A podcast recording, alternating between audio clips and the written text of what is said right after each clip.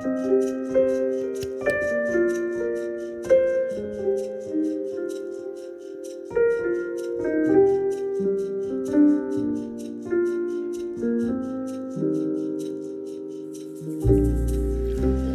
er usikkert, frykt er sikkert. Paradoksalt nok blir det da tryggere å frykte enn å håpe. Disse ordene slo mot meg i en bok jeg nylig leste. Jeg tenkte, hva er dette for rare utsagn? Håp er usikkert, frykt er sikkert.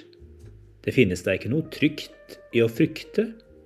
Er det ikke slik at vi frykter det ukjente, og hvorfor skulle det være noe trygt i det, så har det gått opp for meg hvor ofte nettopp disse ordene er sannere enn jeg liker å innrømme.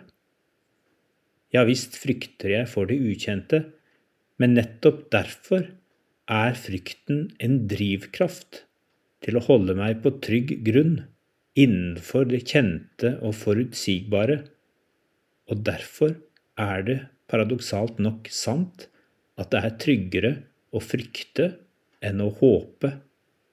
For hva representerer ofte håpet? Håpet representerer ukjent land. Håpet representerer det som jeg ikke kan se rett foran meg. Håpet er skummelt, for det ber meg om å kaste meg utfor stupet og tro at noe tar imot meg og bærer. Håp er usikkert, frykt er sikkert. I Bibelen står ikke håpet alene.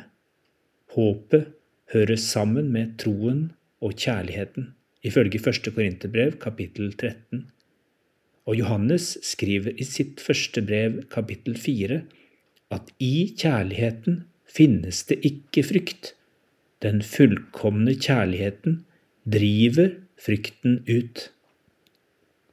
Er det da ikke sunt å frykte hvis vi ikke hadde kjent på frykt, hadde vi ikke da gått rett ut i veien og blitt påkjørt av en bil? Er det ikke viktig å være redd for farer?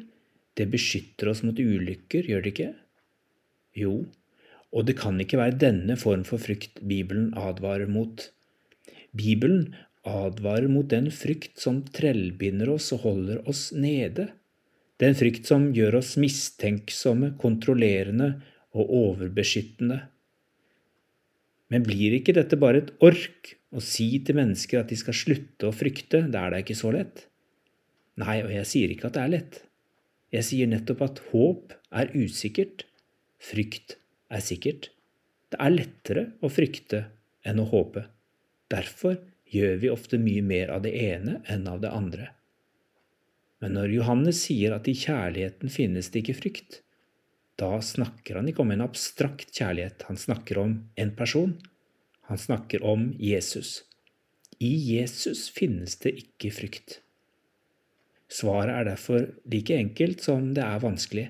Hvis vi ønsker å si ja til troen, håpet og kjærligheten, da er svaret å si ja til at Jesus får vinne rom i oss, ta bolig i våre liv og fylle vår nåtid og vår framtid. For noen av dere som hører på dette i dag, innebærer det å bryte opp fra det trygge og kjente og begi seg ut i ukjent land, håpets land. Det kan innebære å bøye kne akkurat der du er, og overgi seg til noe som du ikke kan ta og føle på her og nå, men som er mer virkelig enn noe av det du ser rundt deg. Å overgi seg til Jesus som Herre og Frelser er å bli satt i bevegelse, troens, håpets og kjærlighetens bevegelse, i en retning som leder gjennom død til liv. Så er det altså paradoksalt nok slik at vi ikke alltid skal søke det som umiddelbart virker tryggest her og nå. Ikke hvis det som er trygt, er motsatsen til tro, håp og kjærlighet.